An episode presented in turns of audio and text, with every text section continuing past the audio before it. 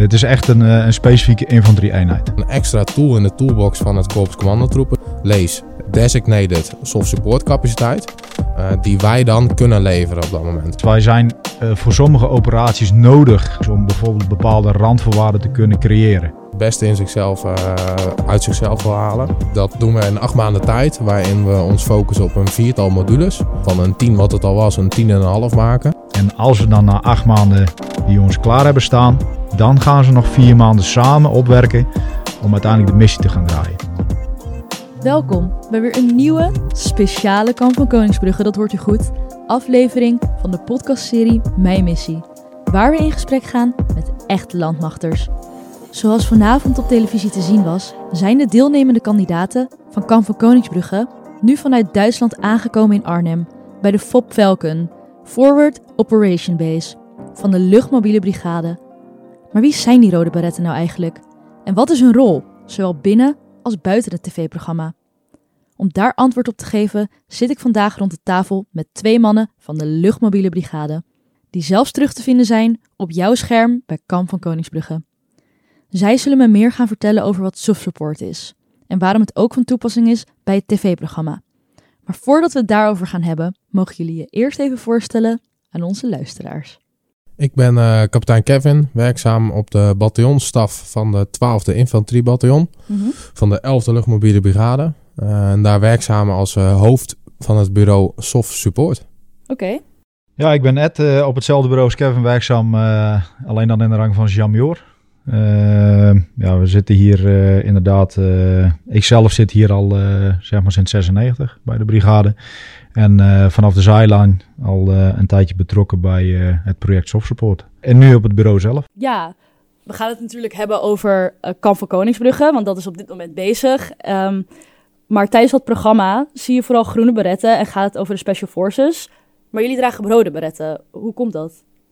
Ja, wij zijn een, uh, wij zijn een andere eenheid in de basis. Ja. Uh, rode beret uh, wordt internationaal gezien zeg maar, als een teken voor luchtlandingseenheden. Dan wel aerosol, dan wel para-eenheden.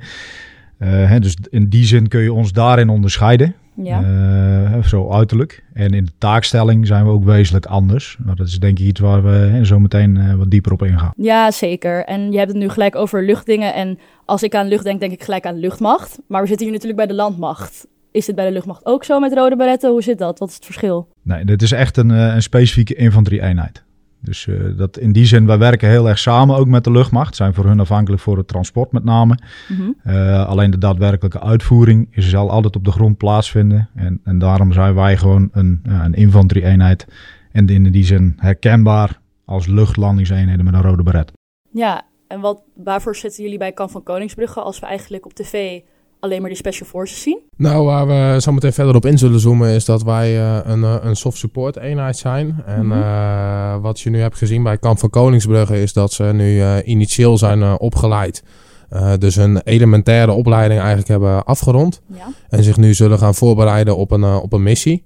En zie daar ook weer onze support in terugkomen. Dat wij de missie die zij zullen gaan uitvoeren ook uh, gaan ondersteunen in deze. Dus dat betekent dat we hier samen voor moeten gaan opwerken en moeten gaan trainen. En daarom uh, komen wij nu ook, uh, ook voor in Kamp van Koningsbrugge. Ja, want wat doen jullie precies in Kamp van Koningsbrugge als rol? Ja, dat uh, zou ik haast zeggen. Laat je verrassen over uh, hoe de missie er uiteindelijk uit gaat zien. Ja, maar tuurlijk. wat we nu gaan doen is, uh, is samen opwerken naar uiteindelijk de eindmissie. Mm -hmm. En hoe die eruit gaat zien, ja, dat ik, ik hou jullie graag nog eventjes in spanning. hebben jullie dan een trainende rol voor de kandidaat? Of hebben jullie meer een begeleidende rol van meer van bovenaf? Hoe, hoe vormt zich dat? Nou, de training wordt met name gewoon opgepakt door de staf van Kamp van, van Koningsbrugge, waarin wij ondersteunen. Maar uiteindelijk gaan we echt samen opwerken. Dus we gaan samen ook trainen om uiteindelijk uh, die missie te kunnen uitvoeren. We gaan die missie samen plannen. Ja. En uiteindelijk zal je zien dat tijdens de missie wij een, een ondersteunende rol hebben voor uh, uiteindelijk de operators van Kamp van Koningsbrugge. Die, uh, die krijgen het hoofdaanvalsdoel, alleen wij creëren de randvoorwaarden zodat zij die ook daadwerkelijk kunnen, kunnen, kunnen uitvoeren. Ja, precies. Dus jullie zetten eigenlijk ook een beetje de kaders neer daar. Of heb ik dat verkeerd? Nee, dat echt, heb je helemaal goed. Kamp van Koningsbrugge gaat dus eigenlijk echt natuurlijk over de korpscommandotroepen. Hoe verhoudt de luchtmobiele brigade zich tot de korpscommandotroepen? Ja, dus het, het verschil zit er met name in de uitvoering van de taak. Mhm. Dus uh, wij, zullen, wij opereren eigenlijk meer in het conventionele optredens, uh, benoemen we dat. En zij zitten meer in het onconventionele domein. Dus de speciale operaties, wat ook in natuurlijk uh, in de, in de SOF, in de afkorting Special Operations Forces, terugkomt. Mhm. dus wij treden eigenlijk meer open en bloot op, om het heel simpel te zeggen. En zij echt meer in het geheim. Ja, oké. En je noemt net de term SOF, dus Special Operation Forces, maar ook Special Operation Forces Support. Dat gaat dan over de luchtmobiele brigade. Maar wat is een luchtmobiele brigade eigenlijk en wat doen jullie hier binnen? Nou, een luchtmobiele brigade is een, uh, onze brigade die uh, is uh, gespecialiseerd in, zoals Ed al zei, air assault optreden of airborne optreden. Mm -hmm. dus dat laatste wil zeggen met parachutisten. Het 12e infanteriebataljon waar wij onderdeel van uitmaken, focust zich primair op het air assault optreden. Mm -hmm. Dus dat betekent optreden samen met helikopters, zowel transporthelikopters als aanvalshelikopters. waarbij wij als neventaak nu hebben toegewezen gekregen om designated soft support te leveren. Ja. Uh, ik zeg bewust designated soft support, want soft support scheidt zich in, uh, in twee takken. Dat wil zeggen dedicated en designated soft support. Dat leg ik zo meteen graag voor je uit. Maar wij van het 12e infanteriebataljon leveren als neventaak de designated soft support capaciteit. En je zegt net al, je wilt met liefde uit, uh, uitleggen, wat, wat houdt dat inderdaad in? Je hebt dus designated en dedicated. Ja. Wat, wat is wat? Ja, ja, ik snap dat dat heel verwarrend kan zijn mhm. voor, uh, voor mensen. De vraag naar support voor het KST komt van het Korps Commandotroepen, komt ook daar vandaan. Ja. Uh, waarbij zij hun support eigenlijk schetsen of scheiden in, in twee manieren, dedicated en designated. Dedicated is een, een soft support eenheid die van het KST is. Dus die is van het Korps Commandotroepen, maakt daar onderdeel van uit. Mhm.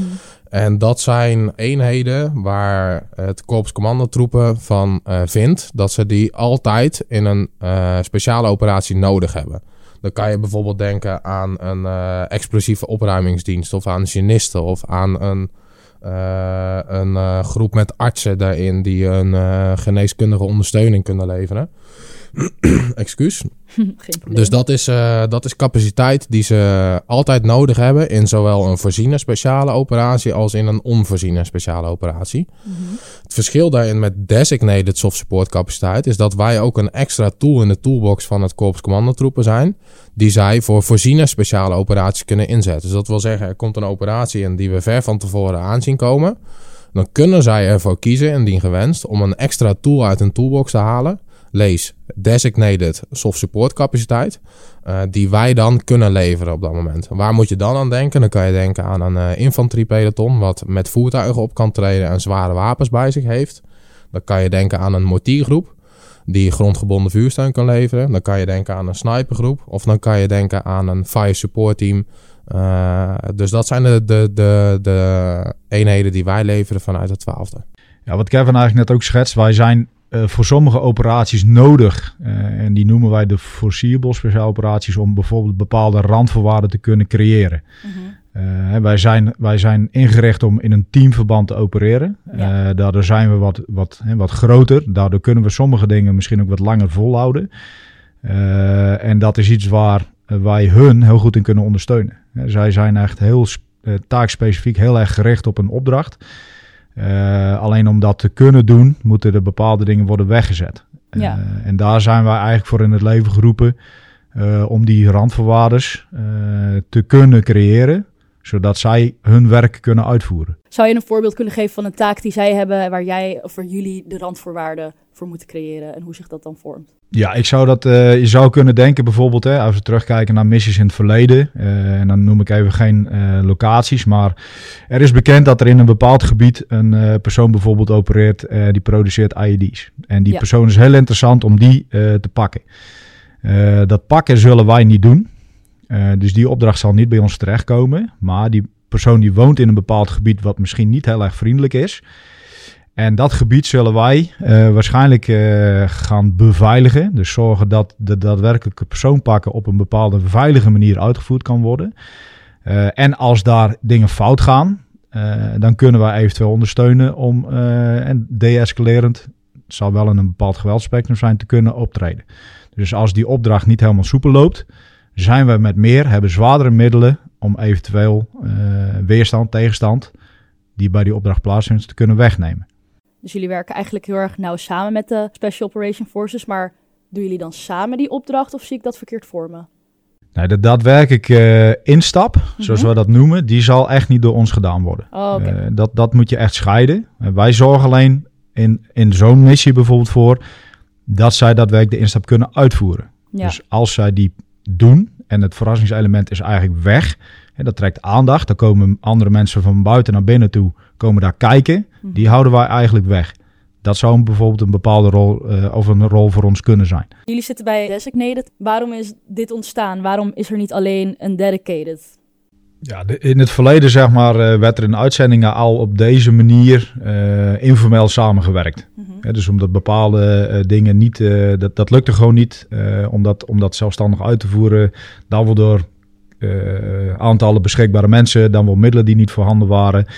En, en dan moet je denken aan het, het, leveren van een chauffeur op een boesmaster en een boordschutter in een missiegebied. Mm -hmm. Alleen dat was toen informeel. En dat betekent ook dat er eigenlijk niet beroep op worden, kan worden gedaan. Hè. Wat Kevin net benoemd, maar de dedicated.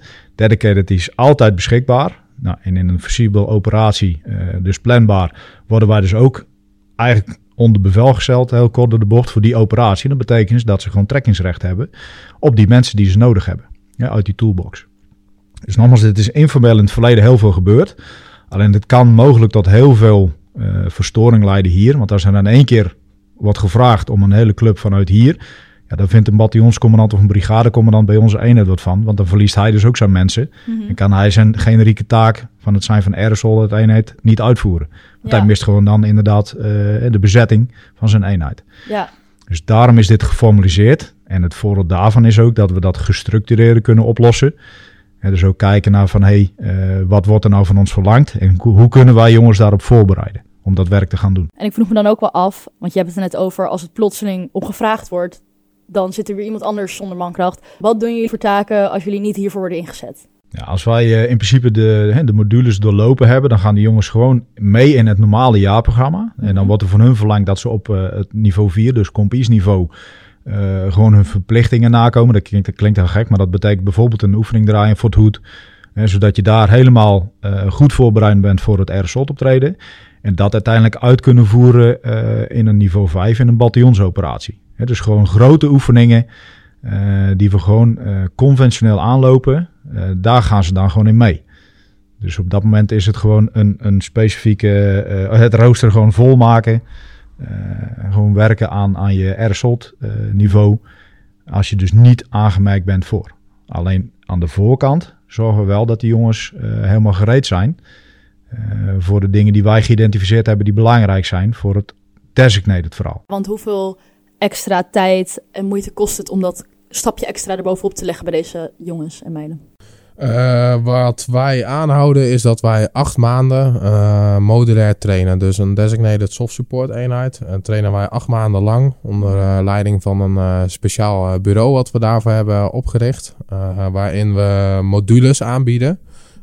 Zoals Ed al zegt, moeten die jongens extra taken kennen en kunnen. Dan wel moeten ze gewoon beter worden in datgene wat ze al konden. Dus willen we van van een 10 wat het al was, een 10 en een half maken. Mm -hmm. En dat doen we in acht maanden tijd, waarin we ons focussen op een viertal modules. Ja. Het woodland optreden, dus terug naar de basis, het optreden in uh, bebos gebied. Het mobility optreden, dus het optreden met voertuigen en, uh, en zware wapens. Het CQB optreden, dat wil zeggen het close quarter battle, dus het optreden op, uh, op korte afstand. Mhm. En urban movement, dus het uh, verplaatsen door verstedelijk gebied heen. Daar uh, pakken we echt uitgebreid de tijd voor om de jongens daar een aanvullende training te geven. En daarnaast gaan we natuurlijk ook daadwerkelijk schieten, gewoon live schieten. Wat ook terug moet komen in die, in die acht maanden. En wij zijn van mening als we dat allemaal hebben kunnen, kunnen doen in acht maanden... Dan kunnen we daarna weer voor zorgen dat de jongens weer acht maanden gereed staan om indien gewenst met een uh, voorziene speciale operatie uh, mee te kunnen draaien. Je zegt nu daarna weer acht maanden. Moeten ze na die acht maanden weer opnieuw een training doorgaan? Ja. Oké, okay, weer precies dezelfde of is het dan meer een ver, verfrissende Nou ja, dat is afhankelijk van weer het aanvangsniveau van die eenheid uh, voordat ze die acht maanden modulaire training weer ingaan. Kijk, mhm. stel uh, we hebben precies dezelfde eenheid, uh, precies dezelfde club als waarmee we de, de acht maanden daarvoor ook al diezelfde training hebben doorlopen. Dan gaan we natuurlijk op zoek naar nog verdere verdieping weer daarin. Dus dan kunnen we het aanvangsniveau iets bijstellen. Stel het is weer een nieuwe eenheid omdat we veel nieuwe jongens binnen hebben. Dan gaan we gewoon weer bij het begin beginnen. Wat is het grote verschil tussen deze training en die echt speciaal voor korpscommandotroepen? Of is het totaal anders? Het is totaal anders, absoluut. Waarbij ik wel kan ingaan op, uh, op onze eigen training, maar op mhm. hun training niet te veel. Ja, snap ik. Ja. Jij hebt me net heel veel verteld over de training en hoe dat dan werkt. Is er in praktijk ook al wel eens beroep gedaan op de soft support? Of is het eigenlijk alleen nog maar tot trainen gekomen? Ja, tot zover in de, in de formele rol zoals we nu zitten, uh, is het gebleven bij uh, de trainingen. Mm -hmm. dus voor de, de nou ja, wat ik net schets, wij doen dan bataljonsverband trainingen. Roosendaal en KST doet hun eigen trainingen en gereedstellingen daarin. En daar hebben we op een aantal momenten al in kunnen deelnemen. Om even te kijken van, hey, hoe lopen procedures? waar kunnen we elkaar aanvullen? Waar moeten we nog elkaar opzoeken? dat zijn dingen die nu langzaamaan beginnen te groeien. Ja. Maar voor echt een, een missie, hè, dan is het informeel geweest. Eigenlijk wat voorgaande jaren altijd gebeurd is. de specialisten die Kevin net benoemd, die zijn in het verleden bijvoorbeeld, hè, onze motjeristen, zijn in het verleden in, uh, in Mali ingezet. Mm Tegelijkertijd met de jongens van het KST. alleen wat ik zeg, dat was toen informeel om, om zo'n missie zeg op die manier aan te lopen. Ik vraag me dan ook wel af, hoe uh, zorg je ervoor dat deze trainingen, dat je er zo zeker van bent dat wanneer het echt gebeurt, dit ook de kloppende training was en dat dit ook echt is wat er nodig was? Hoe zorg je ervoor dat je hier zo zeker mogelijk van bent? Nou, dat is uiteindelijk als wij na de acht maanden klaar zijn, uh, dan hebben we officieel nog vier maanden de tijd om op te werken voor die specifieke missie. Okay. Dus dan kunnen we echt uh, de diepte in. Mm -hmm. wat wordt dan de rol van die eenheid specifiek voor die voorziene operatie? En kunnen we daar nog aanvullend samen met eh, het KST eh, kijken waar moet er nog geïnvesteerd worden. Dus wij gaan nu uit van een basis. Hè, er zijn uh, capaciteiten geïdentificeerd vanuit Roosendaal, die gaten die wij moeten dichtlopen, zeg maar. Dat klinkt misschien een beetje chargerend, maar zo zien we dat. Mhm. En dat hopen we binnen die acht maanden te doen. En als we dan na acht maanden die jongens klaar hebben staan, dan gaan ze nog vier maanden samen opwerken om uiteindelijk de missie te gaan draaien. Ja, want dat is eigenlijk ook wat je al eerder zei. Wij zijn voor uh, missies die van tevoren al duidelijk zijn. Dus dan heb je die vier maanden nog om dat op te bouwen tot dat punt. Um, ja, weer even terugkoppelend naar als je soft support bent. Zou jij als soft support de opdrachten die in Kamp van Koningsbrugge aan bod komen fluitend kunnen doen? Ja, als ik zie wat ik, eh, wat ik tot zover heb gezien, uh, de, de, de slaapdeprivatie, fysieke belasting, uh, dingen die cognitief verlangd worden van, uh, van in dit geval mensen die uit de burgermaatschappij komen, mm dan zouden deze jongens wel een voorsprong hebben. Die hebben dat al ervaren, dus die zullen daar iets anders doorheen gaan, ze zullen dat anders kunnen plaatsen. Denk je dan van mensen die dit eigenlijk nog nooit hebben gedaan. Dus fluitend wil ik niet zeggen, want fysiek zwaar is fysiek zwaar. Ja, Alleen ze zullen het op een andere manier uh, een plek kunnen geven. En misschien net iets sneller kunnen schakelen. Dat is het grote verschil, denk ik. Ja, en misschien goed om aan te geven dat uh, wat ze in Kamp van Koningsbrugge in ieder geval in het deel tot nu toe hebben gedaan, is kijken of iemand commando waardig is. Ja. Uh, dat die die term hoor ik vaak terugkomen. Uh, en voor de duidelijkheid, wij hebben geen commando's in onze eenheid, maar wij leveren ondersteuning aan de commando's. Uh, maar net wat Ed zegt, uh, het programma wat ze nu voorschotelen, dat durf ik al onze jongens met droge ogen naartoe te sturen. maar wij zijn geen commando's, zullen dat ook nooit worden, totdat ook wij gewoon de commandoopleiding volgen. Maar ook daar bereiden we de jongens goed op voor, maar dat is voor hun zelf of dat ze daar een deel willen nemen of niet. En pas daar wordt dan gemeten of dat ze daadwerkelijk commandowaardig zijn of niet. Ja, precies. Klinkt ook allemaal wel logisch. En nu gaat Kamp van Koningsbrug ook over ben jij commando? En dat zijn jullie inderdaad niet. Maar wat is dan een soft supporter? Uit welk hout is hij of zij gesneden? Wanneer ben je dat? Ja, wat wij primair zoeken is uh, gewoon een, een, een volwassen uh, vent of vrouw. Uh, vrouw mag uiteraard, mag uiteraard ook. maar iemand die al militair is geweest, een startfunctie heeft gedraaid. En juist op zoek is naar, naar meer, naar verdieping, naar mhm. verbreding. het beste in zichzelf, uit zichzelf wil halen. En als iemand zelfstandig en professioneel is, dat zijn de twee uh, kreten die ik vaak laat vallen. Dan, dan kunnen wij echt wel van iemand een, een mooi teamlid maken die uiteindelijk het team beter maakt. We organiseren zelf de soft support meeloopdagen. Wat eigenlijk gewoon een verlengde sollicitatieprocedure is. Waar je met drie dagen lang kijken naar, hey, pas jij binnen ons team? Vind je dat zelf ook? Wil je dit zelf ook? Mhm. Dus uh, primair zijn we op zoek naar zelfstandige en, uh, en professionele mensen. Je moet al wel uh, militaire opleiding hebben gedaan om soft supporter te kunnen worden. Het is niet dat jij klaar bent met je middelbare school en denkt, hier rol ik gelijk in. Je moet eerst een andere opleiding hebben gedaan. Correct. En wat voor opleiding, of maakt dat niet uit? Dat maakt niet uit. Het liefst hebben we iemand die al binnen de luchtmobiele brigade heeft, uh, heeft gewerkt en zijn rode mm beret heeft. Maar dat is geen vereiste. Vereist is wel dat je al militair bent. Uh, en we kunnen altijd op zoek naar maatwerk. Op het moment dat jij aantoont dat je dit dusdanig graag wil en je aantoont dat je in ons team past, dan kunnen we altijd op zoek naar, uh, naar maatwerkoplossingen. Jij zegt net dat een rode beret is fijn, maar geen vereiste. Die kan je dus ook nog hier binnen behalen. Ja, dat is uiteindelijk denk ik wel uh, waar we naar streven. Want dat heeft ook iets te maken met dat daar uh, dingen getoetst worden. Uh, de persoonseigenschappen die Kevin benoemt, die worden hier in de luchtmobielenopleiding met name ook even aangetikt. Mm -hmm. dus op het mentale en fysieke vlak word je daar even met jezelf geconfronteerd. dus voor ons is dat wel wenselijk om dat te gaan doen. Uh, de bagage die iemand van buiten meeneemt kan voor ons wel nuttig zijn. Want wij kijken ook door een bepaalde koker. Dus iemand kan ook een toevoeging uh, brengen die wij in eerste instantie niet zien. Uh, alleen al doordat jij die beret haalt, geef je bij ons wel even aan van hey, jij wil er echt vol voor gaan.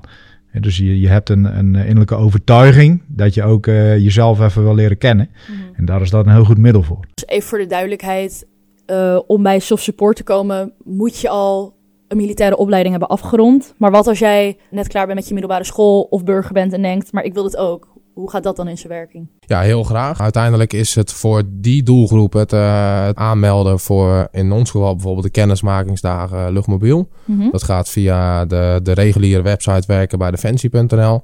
Dan is het aanklikken van de vacature soldaten luchtmobiel.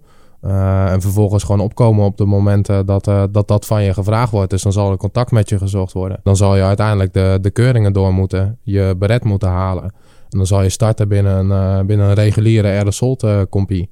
En vervolgens kan je dan doorstromen naar onze soft support eenheid. En mensen die dit luisteren, die denken... ik ken deze hele tak van de landmacht eigenlijk nog niet... maar ik vind het nu al super tof en interessant. Wat, wat, hoe kunnen zij meer te weten komen over de soft support en de luchtmobiele brigade? Nou, we hebben uh, verschillende kanalen die die mensen, weet ik zeker, nog beter kunnen vinden dan, uh, dan ik. Zoals jij zoekt op bijvoorbeeld het YouTube-kanaal van de 11e Luchtmobiele Brigade of een Instagram-pagina van de 12e infanteriebataljon regiment van Heuts of van de 11e luchtmobiele brigade. Mm -hmm. uh, ik ben niet helemaal thuis into uh, de social media, maar ik weet zeker dat ze daar heel veel uh, meer informatie en gave content kunnen vinden. Ja, en hebben jullie ook nog Facebook of alleen Instagram en YouTube? Ja, er is van de brigade ook nog een, ook nog een Facebookpagina. Oh, oké. Okay. Dus, die moeten vinden zijn. Nou, tof. Dus Facebook ook. Ik ga het in ieder geval zeker bekijken. Kevin en Ed, ik wil jullie heel erg bedanken voor het gesprek met mij en de tijd. En misschien tot de volgende keer. Ja, bedankt. Ja, ook bedankt. Wil je nog meer te weten komen over soft support? Dat komt mooi uit, want de volgende podcastaflevering gaan we met iemand in gesprek die op dit moment bezig is met de vier modules. Kun je je geduld tot die tijd niet in bedwang houden? Ook geen probleem. Kijk dan vooral de soft support video's op het YouTube kanaal van de 11e Luchtmobiele Brigade. Of check ze op Instagram en Facebook. Mijn naam is Julia van Doorn. Bedankt voor het luisteren en tot de volgende aflevering.